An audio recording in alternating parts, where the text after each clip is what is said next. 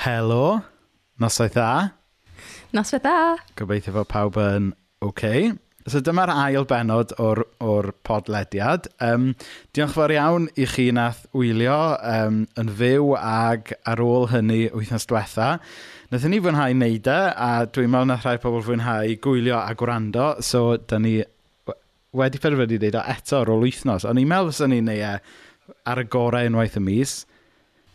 Di'r sŵn dal mlaen ar hwnna. Sorry, sorry, sorry. Just roed off. Ie, fi'n trio. Mae'n fel Wally, Wally Thomas ar, ar, um, ar byd y bel. O, fi'n trio. Dyr o fyma. Ti'n siŵr ta dim hwnna i we? O, hold on, falle ar laptop yw e. O ie. Yeah. O ie, sorry. Fi oh. oedd e. Wow. Story oh, of my life, cael bai ar gam. Ie. O ie, mae hwnna'n eitha ironic. Ta beth. So, da ni'n slick iawn fan hyn. Um, da ni yn falle'n edrych yn fwy proffesiynol na gyda ni go iawn, achos dydyn ni ddim o gwbl.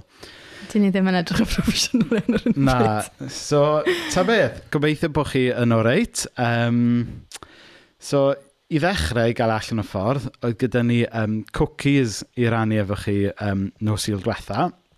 Ond beth sydd gyda ni nos il yma, mae yna? Fudge. Fudge. Ie, yeah, so... Um, Eto wedi cael ei wneud gan Rhys. Ie, yeah, so mae gyda ni... Mae yna batrwm fan hyn o'r pethau sy'n cael ei dangos i'r cychoedd. Wel, well, ti'n bod, hynny yw, yn, yn y lockdown, mae'n bwysig fod pobl yn... Um, yn ti'n bod, yn pob i hunan, coginio i hunan. Yn dangos pa mor gynhyrchiol yno. Wel, ie. Yeah. Oedd, um, pan, pan geis i yn, yn um, ffad diweddara o trio colli pwysau, nôl yn y flwyddyn newydd, um, oedd un o'r llyfrau nes i ddarllen yn dweud, gewch chi fwyta um, fain bynnag o biscuits ydych chi moyn, fain bynnag o cakes ydych chi eisiau, fain bynnag o chocolates ydych chi eisiau, gyda un catch, sef bod rhaid i chi wneud o from scratch. Um, ac felly, o ganlyniad, um, i chi ddim mynd i fyta llwyth o cakes hano, achos chi ddim yn mynd i gael amser i paratoi lot o cakes. Ond yn y lockdown, mae bach fwy o gyfle gyda chi wneud fudge cartre. So, falle newn ni benod cyfan yn trafod fudge rhywbryd. Um, ti wedi wneud lot o fara othos yma hefyd. Um, sydd wedi bod yn lyflu, sydd wedi bod yn neis, ond ar Instagram, um, fi'n ddechrau wneud Instagram stories nawr, so rhywbeth fi'n... Uh, ti dechrau... Fi wedi ffigro allan sy'n ma'n neud o'r diwedd. A um, Nes i roi Instagram story amdano dy Bobby di, sef dangos llun bara Instagram, Instagram worthy llun o dors hyfryd o ti wedi wneud, ond wedyn y sleid nesaf yn dangos y reality, sef bod y toes yn mynd yn stuck yn y sink a bod fe'n afiach. A wrth gwrs, pwy sy'n goffa clonhau e? Mwa. Wel, ys ti ddigon hapus i fyta'r bara? Ie, yeah, ond Instagram versus reality. O, dyna ni. Ie, yeah, so falle bod hwnna, Hashtag. falle bod hwnna wers pwysig fyna. Da ni uh, yn, yn, y cyfnod yma, falle bod ni yn dewis um, portreu rhyw fywyd idealistig yn pobi bara ac yn paratoi ffudge a, ac yn y blaen. Ond y gwir amdani yw rhan fach iawn o, o bywydau ni a bywydau pawb ydy'r ochr yna. Mae mae bywyd i, i lot o bobl yn straen ar hyn o bryd, ydy? Ydy, ydy. Um, so mae'n bwysig i bobl fod yn real ynglyn â, â'i, ai bywyd. Ie, yeah, so gadwch ni wybod sut wythnos chi wedi cael. Gobeithio bod chi wedi cael wythnos oce. Okay. Sut wythnos ti wedi cael rhys? Um, ie, yeah, gweddol, diolch yn fawr iawn. sut wythnos ti wedi cael fanna? Uh, iawn, dramatic. Un, un eitha efo'r llall. Ond newn ni ddim sôn am yeah. um, okay. un hanes arbennig. Na ni, oce. Okay. So, fi'n gweld fan hyn... Um, bod... Bydd e'n y newyddion blwyddyn nesaf. Ie, yeah, oce. Okay. Um, fi'n gweld fan hyn, Adrian Morgan um, a'i wraig Claire yn awyddus iawn i gael darn. So, da, da ni'n gwybod fod um, Claire yn anwyl iawn yn, yn nyrs. Um, felly, fydden ni'n hapus iawn i, i ddarparu fudge i Claire a phob nyrs sy'n gweithio yn galed iawn ar hyn o bryd. Um, Cariad mawr i Claire. Ie. Yeah. Si ar y front line. So ar ddiwedd y lockdown, um, pan ddewn ni lawr i dde Cymru i weld teulu a ffrindiau, newn ni ddod â bocs o fudge i Claire. Bendant. Gadl ni wybod unrhyw flas arbennig, um, just... Wel, mae gyda ti ddewis o ddau. Oes, choc chocolate neu vanilla. Plain. Plaen. Ie, yeah, mae hwn ddim hyd yn oed yn fanila, mae jyst yn plaen. Ond beth bynnag, da ni ddim wedi dod yma i, i just mwydro a siarad am fudge. Um, da ni'n mynd i drafod um, dau beth heno. Un peth um, fwy, um, bo, fwy o sylwedd a un peth um, bach yn ysgafnach, sef y, y peth o sylwedd da ni'n mynd i drafod heno oedd um, erthygl Laura McAllister yn y Western Mail heddiw. So, um, na i just pistio'r erthygl. Um, lle allai ffeindio'r erthygl? Um, o, Mm, siarad i ti Twitter neu. Facebook. Ie, yeah, wel, wythnos yma dwi wedi bod yn meddwl tipyn am sut yn ni'n gallu ffeindio pwrpas yn yr amser yn ni yno ar hyn o bryd. Wrth gwrs, i fi a lot fawr o bobl eraill, mae hynna'n rili really anodd pam chi gyda plan bach i ofalu amdano nhw. Um, ynghyd â trial cario ymlaen gyda pethau eraill sydd gyda chi on the go, yn wedi os chi'n gweithio hefyd. Um, Sa'n gwybod chi'n neud e. Ond, um, yeah, just trio ffind o pwrpas yn yr amser yma. Um, achos mae'n amser i gymryd stoc hefyd. Um, o beth sy'n sy ymlaen a beth yw'r dyfodol. A mae yna lot o bethau wedi goffod stopio, mae yna lot o bethau wedi goffod newid yn y ffordd ni'n byw. A mae rhai o'r bethau yna er gwell ac actually yn rhoi syniad i ni am sut fath o fyd a sut gallai'r byd newid er gwell, really, ar ôl yr argyfwng Covid-19. Um, so ie, yeah, fi wedi bod yn meddwl lot am hynna.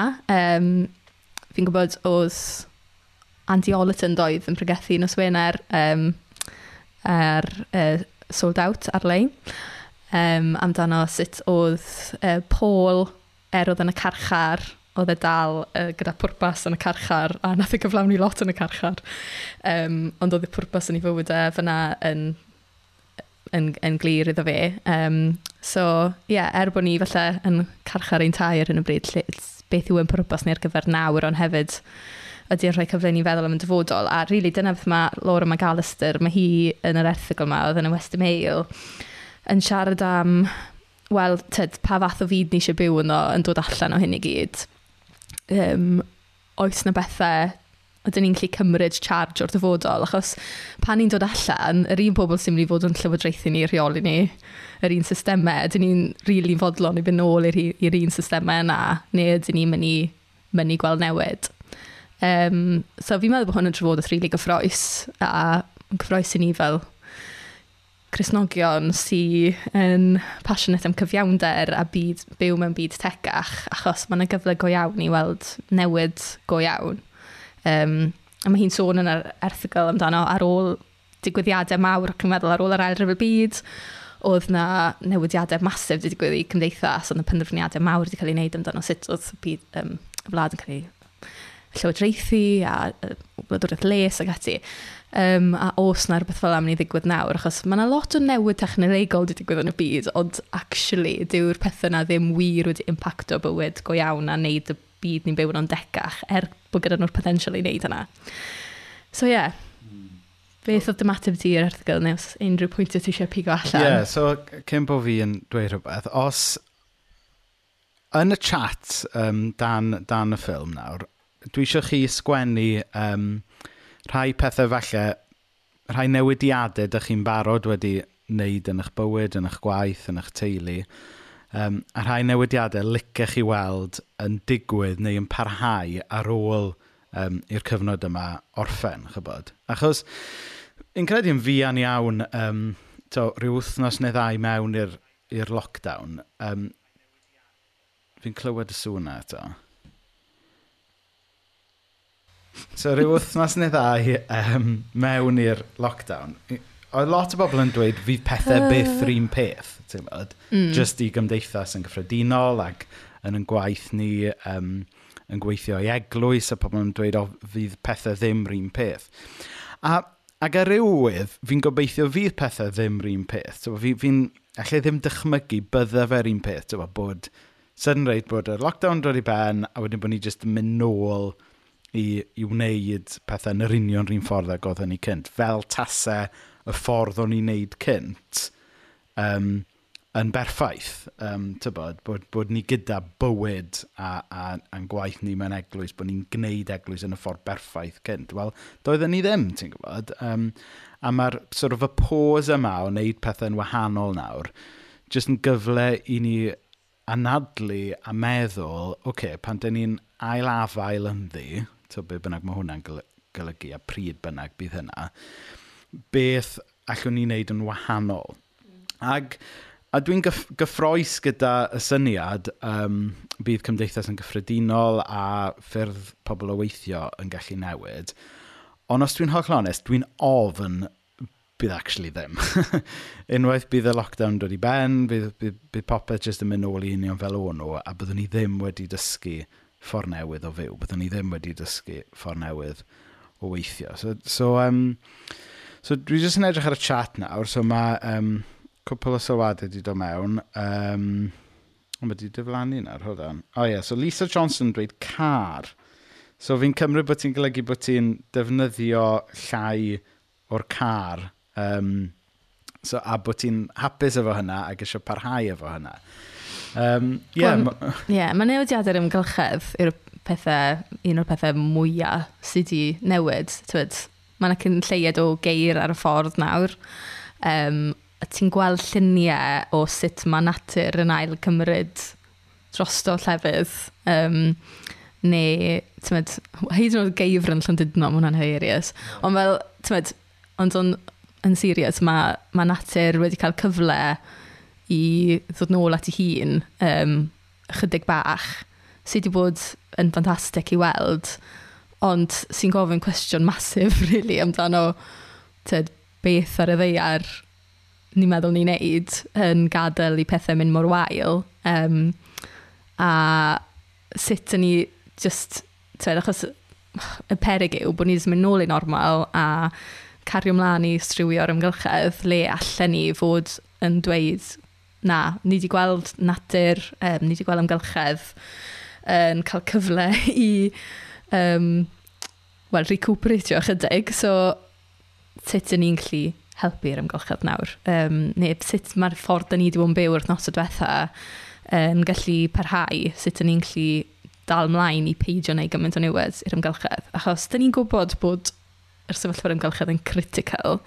Um, a bod rhaid i ni wneud y newid, newidiadau, ond tymod, oedd e'n rili really, cyn rhai othnos yn ôl, oedd e'n amhosib gweld le oedd y newid yna mynd i ddod o, ac yn sydyn reit, nid bod ni'n dymuno'r feirws yma i ddod o gwbl, ond mae'n agor llygad ni i weld os oes rhaid wneud newid, da ni'n gallu wneud o.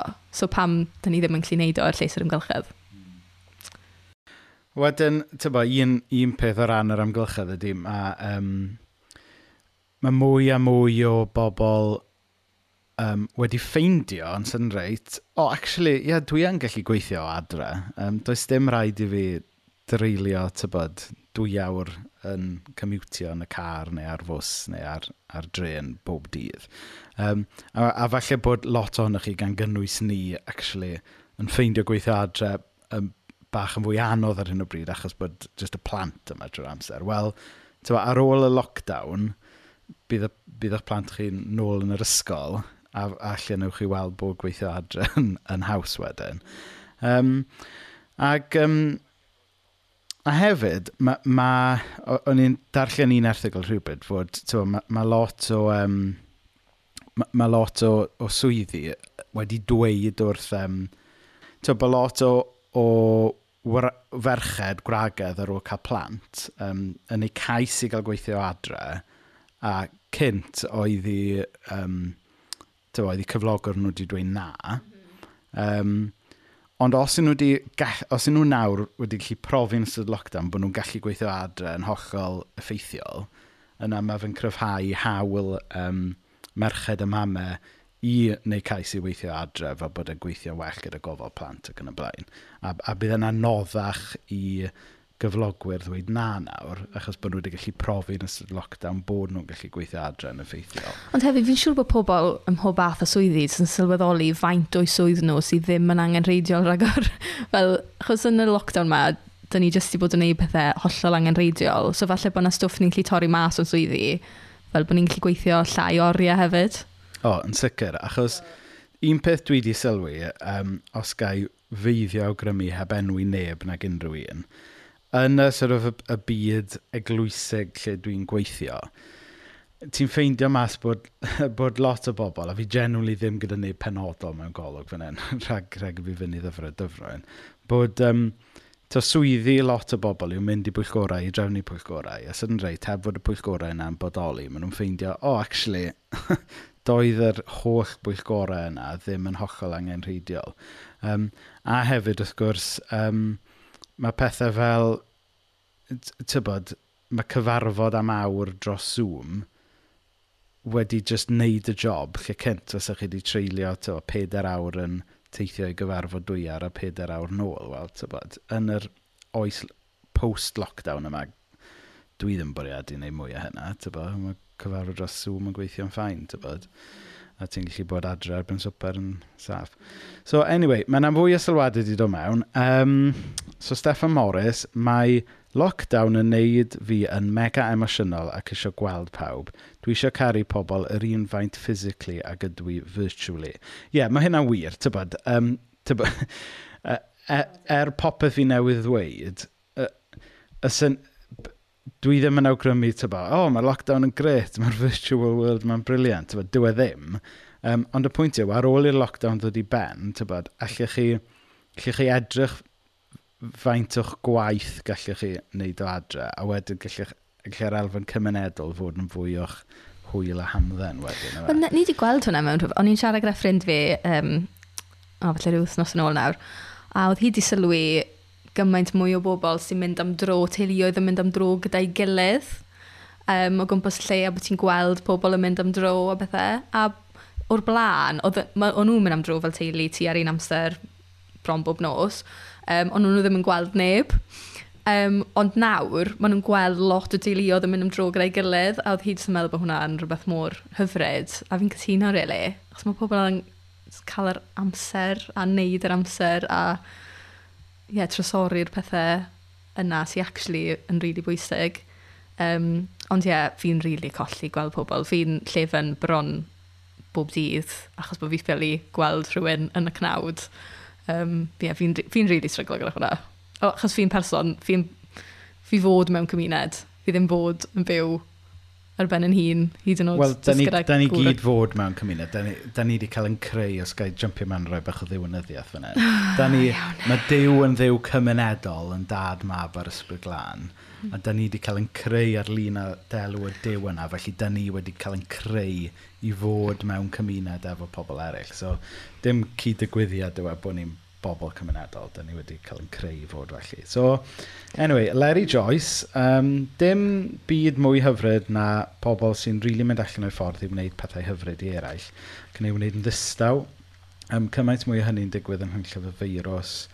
Um, Ie, yeah, rwy'n mwynhau wneud pethau fwy syml fel teulu, rhain dod ni at yn gilydd. Um, mm.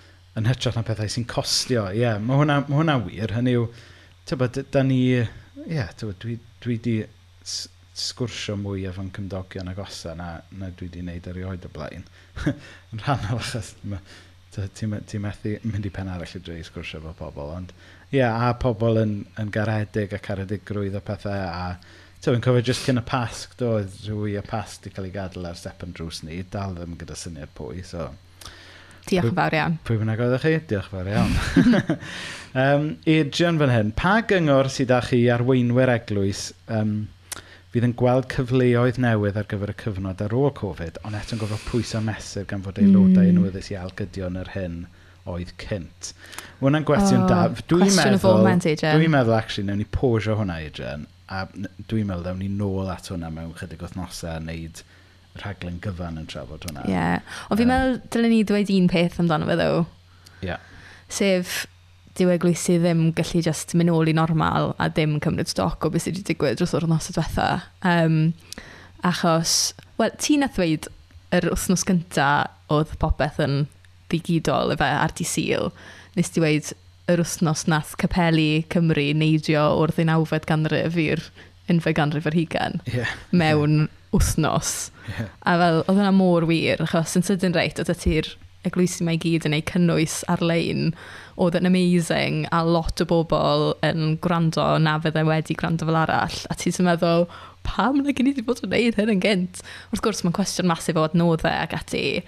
Um, ond fi'n meddwl, cleidwch chi un peth, achos fi'n ni'n trafod yn othos hyn, a fi'n meddwl bod yn rili really bwysig. Dyn ni fel eglwys eglwysi yn gweld cymuned mor bwysig, a mae hwnna mor iawn a mor feiblaidd. Um, ond, tyd, weithiau ni'n cael pobl yn dod mewn i Carsalem a just tyd, ist yn y cefn a wedyn maen nhw'n mynd syth allan ar y diwedd. Dyn nhw ddim eisiau fel yr interaction gyda pobl. A dyn ni'n cael lot o bobl yn neud, actually. Ond tyd, falle dyna'r fath o bobl sydd falle'n tiwnio mewn ar YouTube a Facebook, faint mwy o'r bobl na sy, sydd falle'n ofn cymuned, neu pobl yn dwlan at nhw a eisiau gwybod i hanes nhw i gyd. Um, so, ie, yeah, mae'n codi lot o cwestiynau rili really, am cynhad y eglwys a sut ni'n clu bod yn gynhadol ar y we. Ond ie, yeah, newn ni adael hwnna at os arall, achos mae'n bwnc masif. Ie. Yeah. Wedyn, um, y cwbl o sylwadau eraill di dod mewn fan hyn. Sori, fi methu dal angyd yn y gyd, mm. sy'n gret mewn ffordd. um, ia, Arfon um, yn sôn am to, cyfiawnder i'r slodion yn ein byd, mm. um, a bod bo yn bwysig bod Cresnogi yn dagos heilioni uh, yn y cyfnod yma. Wedyn, um, Sian wedyn yn ategu'r pwynt yna, dweud um, ar ben arall hyn gyda lot o bobl uh, falle wedi colli swyddi, um, uh, a lot mwy o dlodi.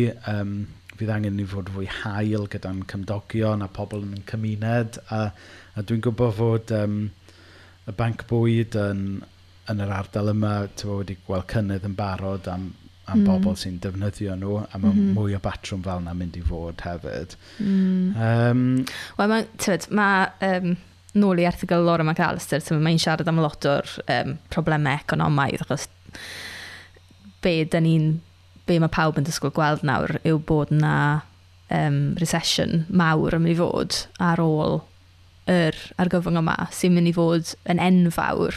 So ti'n meddwl beth, be da ni'n dysgwyl i'n llywodraethau ni'n neud i amddiffyn y pobl tlotaf? neu pobl sy'n mynd i cael eu effeithio mwyaf.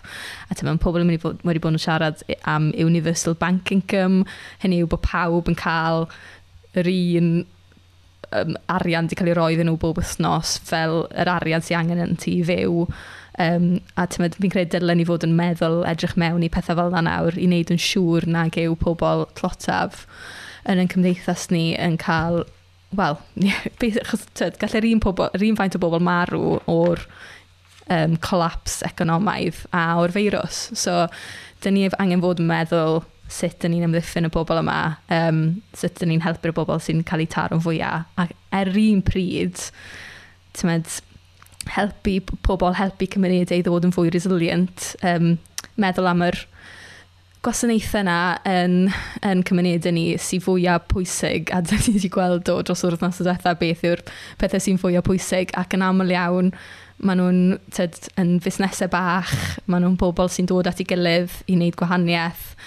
Um, sut yn ni yn, ddim yn yeah, disgwyl i'r rheina just mynd eto ar ôl hyn, ond tyd, sut yn ni'n cryfhau nhw, sut yn ni'n cryfhau'r cymunedau o'r gwylod i fyny, really, yn lle we, beth, sydd, beth, beth ni di arfer bod yn digwydd sydd ddim yn gweithio um, i bobl. So, yeah, mae'n lot i feddwl amdano. Mm. A mae lot i ni fel Cresnogion i feddwl amdano um, o ran yr holl beth mae'r Beibl yn dysgu am arian a um, gofalu am tlodion um, a gwneud creu cymdeithas hmm. sy'n war a theg a rhoi urddas i bawb. O ran y syniad am um, Universal Basic Income, um, yeah. dwi'n dwi meddwl bod hwnna... Pan nes i glywed am y syniad gyntaf, o'n i'n meddwl bod e'n... Um, bach yn far-fetched, ond nes i ddarllen mwy amdano fe'n ddiweddar, um, oherwydd um, fi eisiau'n dilyn rhywfaint cyn y busnes Covid yma, uh, y ras i gael bod yn ymgeisydd y democratiaid yn America. Ac oedd, um, oedd y syniad o Universal Basic, Basic Income yn, yn prif um, bwynt ymgyrchu un o'r ymgeiswyr, sef boi'r enw Andrew Yang, O, ie, um, ie. Ag, ag os o'ch chi'n mynd ar ei wefan yna, oedd lot o fanylion yna, ag yn fras, to, syniad o Universal Basic Income yw bod pawb, llythrenol pawb, jyst yn cael sort of be mae'r wlad yn tybio ydy'r be minimum ti angen i get by arno. A to, fi meddwl mewn rhai gwledydd mae, mae yty mil o bunnoedd y mis. So, so i, i rywun sydd ar um, tybo, basic universal credit, mae yn lot mwy na beth mm. maen nhw'n mm. cael nawr, so mae pobl felly gallu byw bach yn fwy cyfforddus. Mm. Um, ond beth sy'n ddiddorol yw, um, dan universal basic income, bysau hyd yn oed pobl ta, pobl fel ni sy'n ar gyflog um, digon cyfforddus hyd yn oed yn cael e. A, er technically, fysa pobl fel ni ddim angen e, ond y pwynt yw, bydde fe'n um, bydde fe'n injection mewn i'r economy wedyn. So mae hyd yn oed pobl sydd ddim angen e, bydden nhw wedyn gyda mwy o disposable income, bydden nhw wedyn yn gwario um, tybod ar, ar wyliau, um, ar fynd allan am fwyd.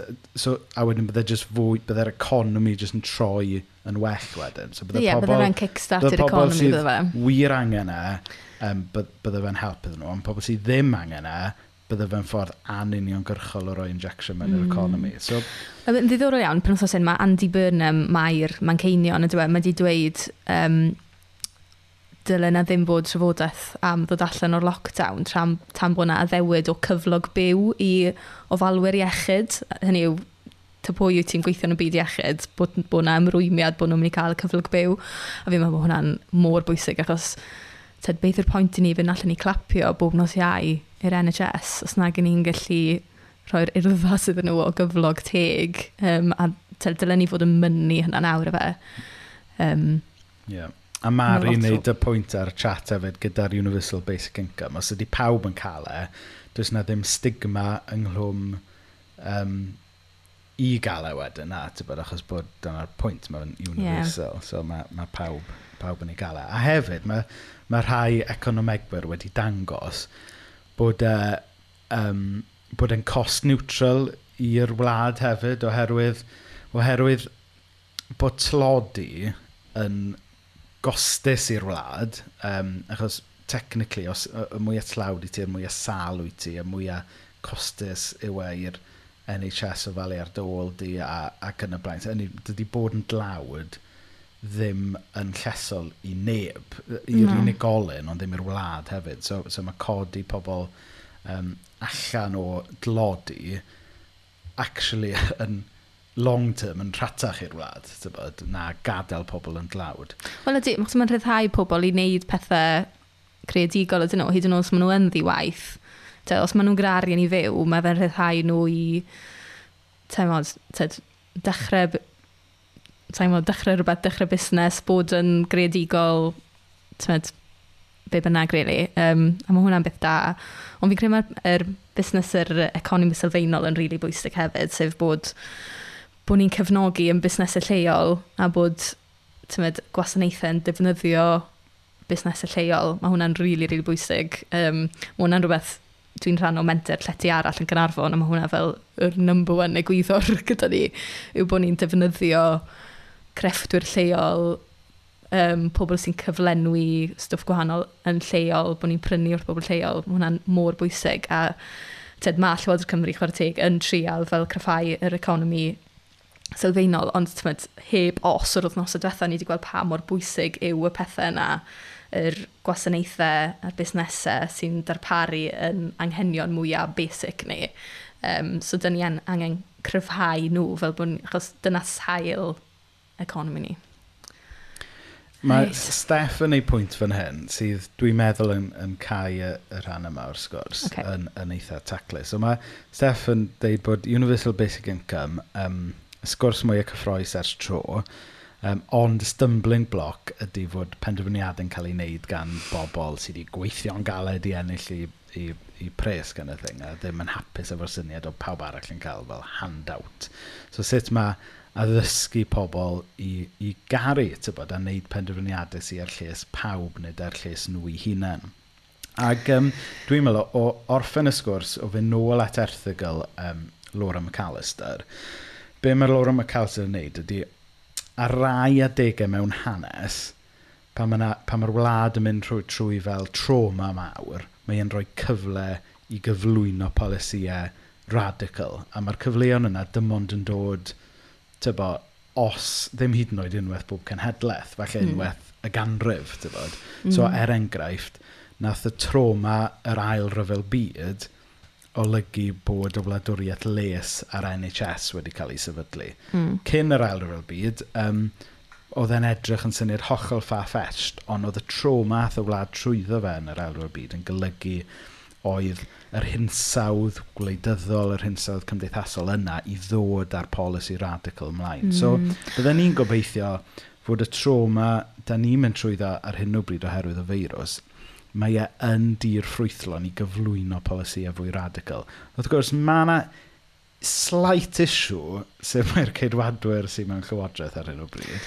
Wel, dyna lle mae'n llais ni fel Cresnogion mor bwysig, achos tyd, mae dysgeidiaeth y Beibl yn glir, oedd Iesu'n hollol passionate am uh, y, y pobl sy'n lot mwy difreintiedig na ni. A tywed, pam ti yn meddwl am pryden sy'n cynnig, nes i darllen rhywle just cyn hwn, um, dros mil o tax breaks um, sy yn elwa y pobl mwyaf cyfeithog. Wel, tymed, mae rhaid i ni fy Croson gynherio hwnna, achos dyw e ddim yn iawn, achos mae yna ddigon o arian i gael er mwyn cael yr incwm sylfaenol mae i bawb, dwi'n meddwl, heb os. A tymed, fi'n credu mae llais ni fel Crosnogion yn rili really bwysig i herio a gwestiynu a mynnu urddas i bawb. Hmm. Ie, yeah, mae Derek yn, yn gofyn cwestiwn fyna ynglyn â um, lle mae pres yr NHS yn mynd i'r sbyta, i'r staff ta, i'r big bosses. Wel, dwi ddim yn ymwybodol o'r o'r manylion i gyd. Ond dwi yn credu tywa, bod, bod yna le um, i bob un ohono ni, yr NHS, uh, tywa, Llywodraeth leol, ond hefyd ni yn bersonol, i, i weithio mewn ffordd fwy effeithiol. Ac um, er enghraifft, okay, mae hwn yn un enghraifft, um, os ti'n meddwl am problem um, diabetes, okay? so un o'r, un o'r prif broblemau'r wlad ar hyn o bryd yw um, diabetes sy'n dod o ordewdra obesity. A mae llwyth o budget ar NHS yn cael ei wario ar drin pobl sy'n um, efo diabetes. Ond wrth gwrs mae angen rhyw, rhyw cultural change o wario'r pres, nid ar ofalu ar ôl pobl ar ôl nhw fynd yn sal, ond o stopio pobl fynd yn sal i ddechrau, ti'n gwybod. Um, so, so ti'n gwybod, ond... ond Mae'n efo... nôl at pwynt arfon o fyw'n symlach, yn dweud. dwe. Tyd, mae'n dechrau o'r bethau mwyaf basic. Dyn ni ar, yeah. angen byw yn fwy syml a... A falle bod y, falle bod y siarad am... Ie, yeah, falle bod y busnes am siarad yn... yn uh, yeah, byw yn iach ddim yn... Ie, yeah, mae dyn ni ffudge o'n blaen i fan hyn, so mae hwnna bach yn... Uh, Mae pwynt age yn un dau orffen yno, achos fi'n gwybod okay. ti'n siarad gorffen y sgwrs. um, be am y beithio fydd newid mawr yn agwedd y Llywodraeth tuag at yr gwasanaeth iechyd, mae Claire wedi colli sawl cydweithiwr am nad oes ganddynt yr offer angenrheidiol, a mae hwnna'n dorcolones. Um, dyn ni wir yn cydymdeimlo dy ti, Claire, a pawb sydd wedi colli um, cydweithwyr yn yr argyfwng yma, mae wedi bod yn hynlle. Um, Ond ie, yeah, da ni yn gobeithio bod yna newid mawr yn agwedd y Llywodraeth. Da ni yn gobeithio am newid yng nghalon y prif weinidog. um, Boris Johnson ar ôl y profiad mae wedi mynd drwyddo. Ydyn ni'n falch iawn bod yn iach wrth gwrs, ond da ni yn gobeithio bod yna newid. Llywn ni weddi am hwnna, yn gallwn. Gallwn. So. Iawn, so Um, so dyna ni, so da ni'n mynd i fynd i... Uh -oh, um... Mae Arwel Jones yn dwi'n gwylio. So, da ni'n mynd i fynd um, i ail rhan um, yr, yr rhaglen nawr, a bydd yr ail rhan tipyn byrach na'r rhan cyntaf. Ond cyn neud hynny, dwi jyst mynd i sôn yn sydyn, um, mae modd um, gwrando ar seiat fel podcast, podlediad, a mae modd neu hynna mewn dau ffordd. Allwch chi fynd i'r wefan, sef seiat.fireside.fm, um, a gallwch chi wrando fyna. Um, neu, os ydych chi um, gyda iPhone neu iPad neu, neu rhywbeth, um, ni hefyd ar Apple Podcasts. So, os chi jyst yn searcho am Seiat ar Apple Podcasts, newch chi ffeindio ni. Ac o'n i'n ffeindio fe yn... Um, o'n i wedi cael un review ar, um, ar Apple Podcast, sef wow. 5 allan o 5. Oh. So, diolch mam. Na, ddim yn siŵr. Um, ond fi'n gweld eitha ffynnu ar y diwedd fan hyn, tyfo bod ni sort of yn, wedi cael yn categoreiddio gyda Tim Keller a Joel Austin.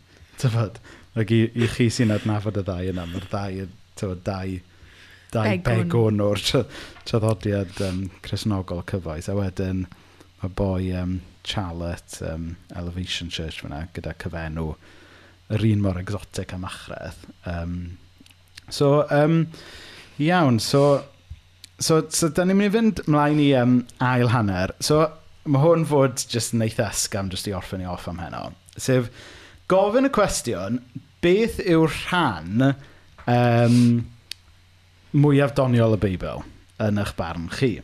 So, um, so mae hwn fod jyst yn eitha ysgam, ag... Ti eisiau sôn pam, pam o ti eisiau ni drafod hwnnw? Ti wedi gweld rhywbeth heddiw? O, o'n i wedi gweld... Um, Um, mae yna weinidog sydd wedi gwybod yn bydyddiwr um, o Allegedly. Lerpwl wedi bod ar Britain's Got Talent. Nawr, dwi ddim yn gwylio'r rhaglen, fi jyst i weld... Wel, nes i weld ar rhyw fforwm bydyddwyr, um, ond um, nes i wylio'r clip.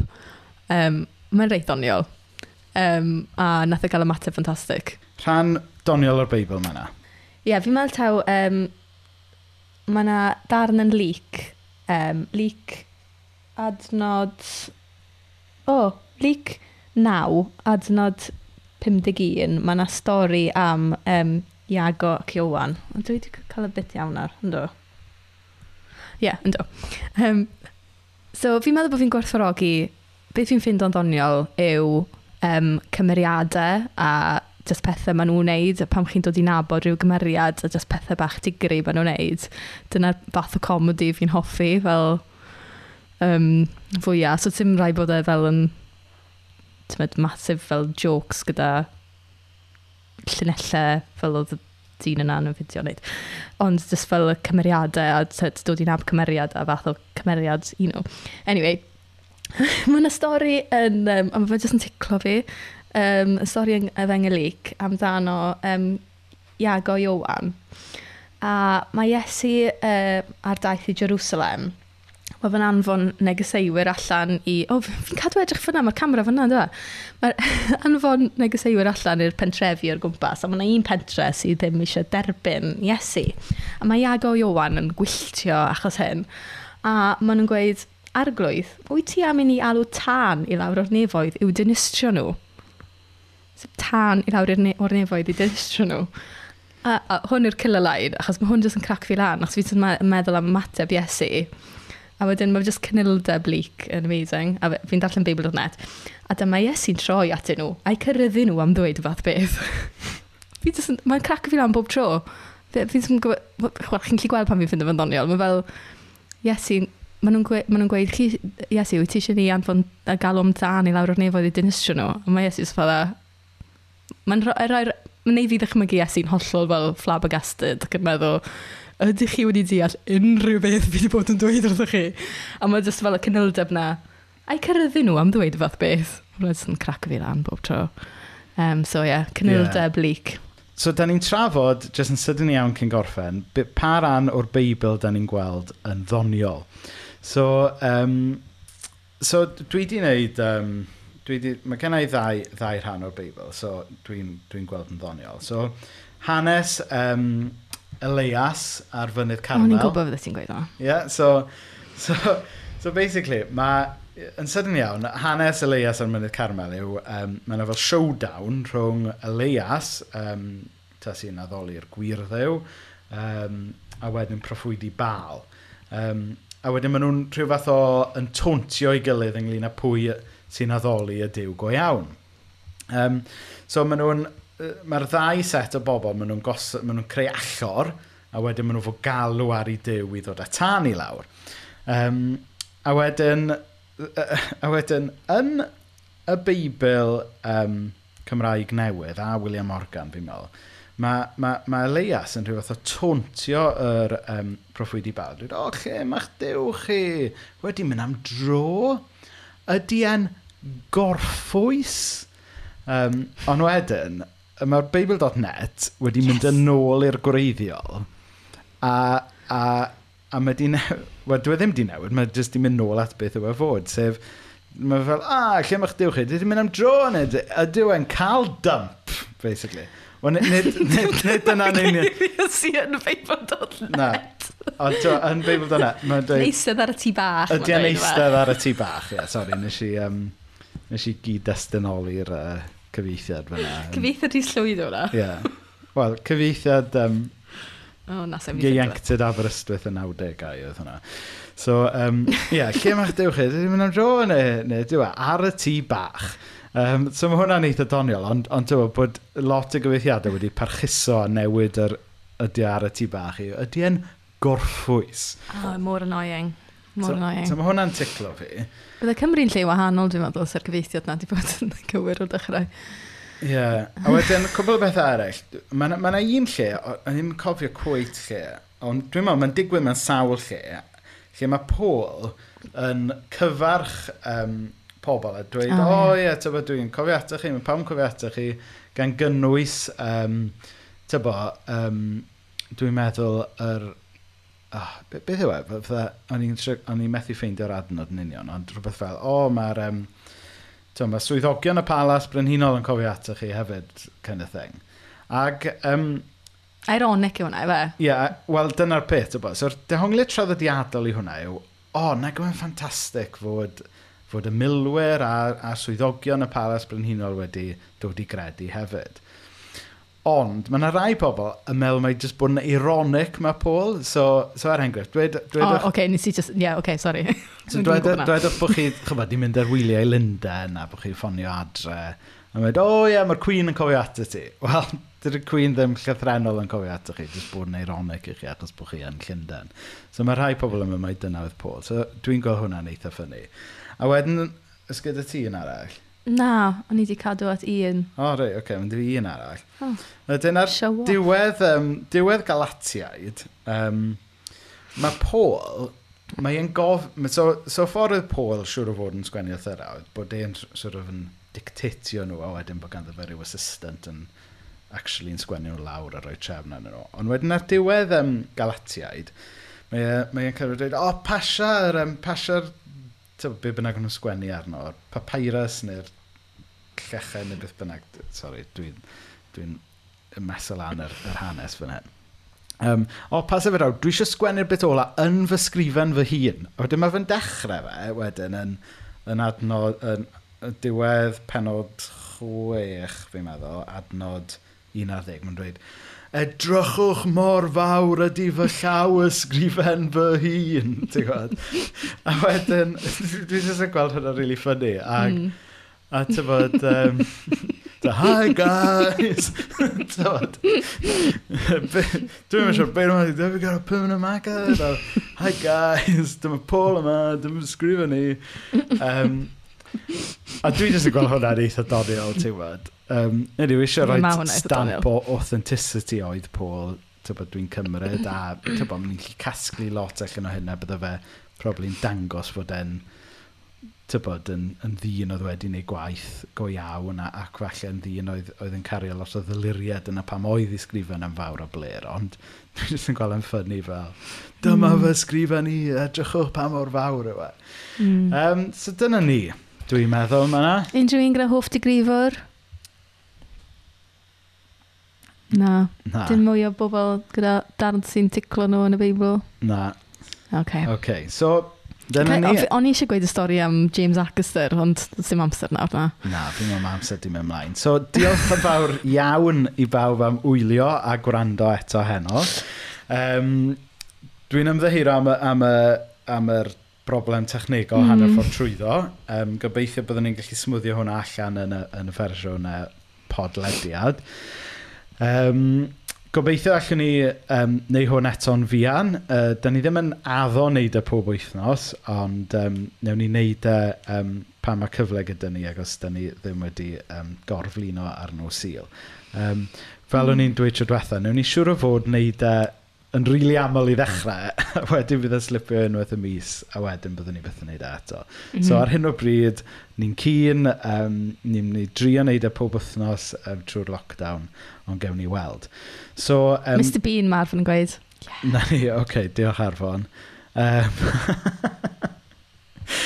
actually, oedd... Um, stori am Mr Bean a geith hwn arwain mewn i'r stori ti am James Acaster os dim moyn. So, okay. eithon ni, un o'n hoff comedians ni ydy James Acaster a eithon ni weld e yn um, pontio chydig fysoedd yn ôl cyn y lockdown.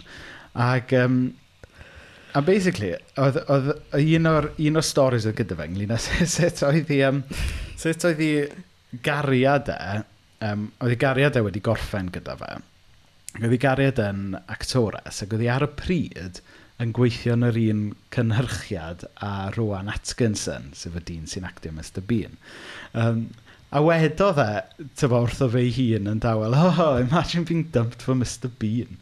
A wedyn, chydig o ddos e wedyn, ffeindio allan bod e wedi cael ei dympio. Agor y papur newydd. Agor, yeah, agor y papur newydd. I gariad y law yn llaw ar Rowan Atkinson. Ie, yeah, tyfo, imagine being Anhygol. dumped. So, oedd hwnna'n ddoniol. Um, Cori, pan oedd Paul yn pregethu yna, oedd y bach yn cwmpo i gysgu, cwmpo mas y ffenest, marw wedyn cael ei godi nôl yn fyw gan Paul yn ei achau. E. Ie, yeah, mae hwnna'n hwnna stori, ydy, mae'n stori crazy doniol a gwych rhywun pryd, mae hwnna'n wir. So, Y stori am James Acaster oedd, a ni yeah. weld e yn pontio, a hwn oedd fel y date cyntaf i Rhys a fi cael ers oh, amser hir iawn.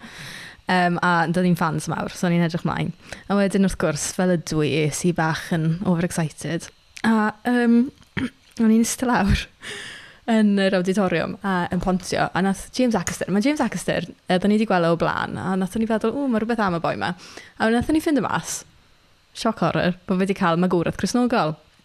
A um, achos un o'r rhesymau oedd Rhys yn hoffi'r boi, achos oedd e ddim yn gweud pethau rŵd. A hefyd oedd e byth yn regu. Um, so, oedd, um, uh, oedd e, mae e just yn genuinely y boi mwyaf yn erioed. A wedyn, um, anyway, mae fe dy mewn, fe dechrau act, cerdded mewn a rhegi a just bod yn really attitude i a gweud, oh, I, I fear I've got a following of old geezers and crizzos.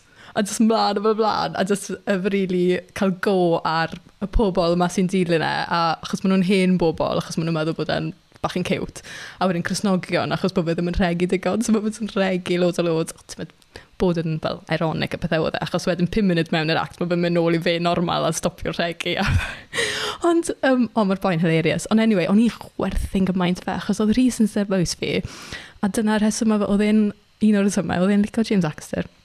Anyway, dath cyfle nes ymlaen, achos oedd y lle yn llawn o bobl, oedd e'n sold out ysbron blwyddyn y digwyddiad yma, a um, oedd, um, oedd rhai bobl lleol na, oedd fel, o ti'n clywed rhai bobl yn siarad Cymraeg, ond oedd lot o bobl wedi teithio i weld James Acaster. A, um, tyd, falle, bellach na Bay Colwyn, falle. A, wow. um, anyway, oedd e'n gofyn o faint o bobl sy'n lleol a natia 20% mynd, yey, flen. A wedyn oedd e fel, oh, so what's it like round here then? A oedd pobl fel, boring, awful. A o'n i fel, a fi, nes i clywed fi a lot o, o'n i'n clis yn hwyr o Cymru Cymraeg o gwmpas fi, mewn, len iawn, meddwl, hollol, wff, pwy hawl sy'n gwneud pobl yn dweud yna. So, nath rhai pobl, gan gynnwys fi, mynd, no! Fes yn hollol disgusted fel yna. A wedyn, um, nath e ofyn, so what's so great about round here then? A wrth gwrs, pwy nath weiddi allan? O mwa. Ys i just fel hyn, just classic ymateb Cymraeg. A oedd Rhys ar y pwynt yma, o, oh, eisiau Um, so nes i just wyth... Beth heclo comedian, a dylch chi sicr beth heclo comedian os chi'n wraig i fi ac yn pwys fi, o'n i mor embarrassed. A nes i just mynd, language, culture. A wedyn, wrth gwrs, nes i gael yn hymygio trwy'r act wedyn, achos, achos bod fi'n honni bod yna language and culture yn perthyn fan ma, a dim i unrhyw le arall yn y byd. Um, so, ond oh, ie. Yeah. So oedd Rhys yn syddo mewn i'r gadau. A pam dath hanner amser, oedd Rhys just boltio allan. a ni hyd yn oed fel y Cymru Cymraeg oedd yn ystewch o'r arall i ni. Nath, nath nhw just mynd fel yn, that's cos bod nhw ddim yn ddim yn gallu siarad yr un iaith o fi. Oedd hwnna'n yeah. foment. Oedd. Foment. Foment Ond caru James Acaster. Yeah. yeah. So, anyway, da ni wedi bod yn trio gorffen hwn ers ar 70 munud nawr. So, diolch i bawb am wylio a gwrando eto heno. Cofiwch mai um, rhywbeth da ni'n neud ar yr ochr yn yn amser yn hunain ydy hwn. Um, dydy e ddim yn weinidogaeth o Cersalem, yr eglwys da ni yn fach o fod yn aelodau ohoni. Os ydych chi eisiau rhywbeth bach fwy um, difrifol a serious, um, mae oedfa Cersalem yn cael ei ddarlledu pob bore di syl ar Facebook ar Salem, allwch chi watcho hwnna nôl, a wedyn ar gyfer rhywbeth chydig bach off-piste, um, croeso i chi um, diwnio mewn i hwn um, ar no syl ar hyn o bryd. Um, ni'n mynd i drio wneud e unwaith yr wythnos trwy'r lockdown, a, a siwr o fod sort of unwaith y mis ar ôl hynny. Um, so diolch am rando, diolch am y sylwadau, diolch, da ni wedi mwynhau eich cwmni chi heno, a cofiwch bod e uh, um, ar gael i wylio nôl eto ar seiat.fireside.fm neu os ych chi yn gyda iPhone a, ac yn y blaen allwch chi um, tanysgrifio um, i gael e fel audio ar Apple Podcasts. Felly, um, dyna ni. Gret, mae wedi bod yn hyfryd cael eich cwmni chi heno a newn ni weld chi eto gobeithio nos il nesaf. Hwyl fawr. Hwyl.